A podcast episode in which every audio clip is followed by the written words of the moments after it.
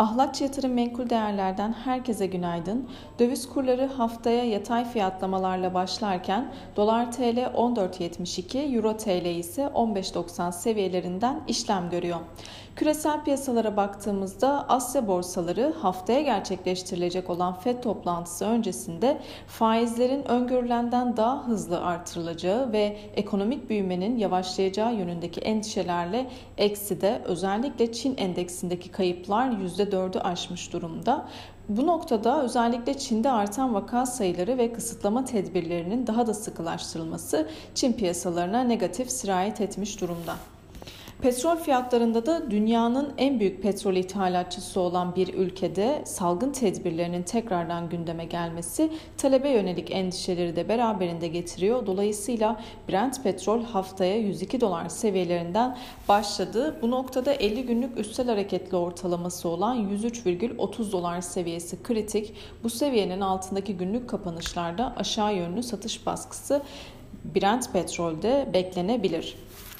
Altın fiyatları da Fed'in para politikasını sıkılaştırma konusundaki agresif bir tutum izleyeceği yönünde beklentilerle birlikte e, dolar endeksindeki güç kazanımıyla da beraber 1915 dolar seviyelerine kadar gerilemiş durumda. Fed'in Eylül sonuna kadar 200 bas puan, sene sonuna kadar ise 250 bas puanlık bir faiz artışı endişesi risk iştahındaki bozulmanın temel gerekçesi aslında.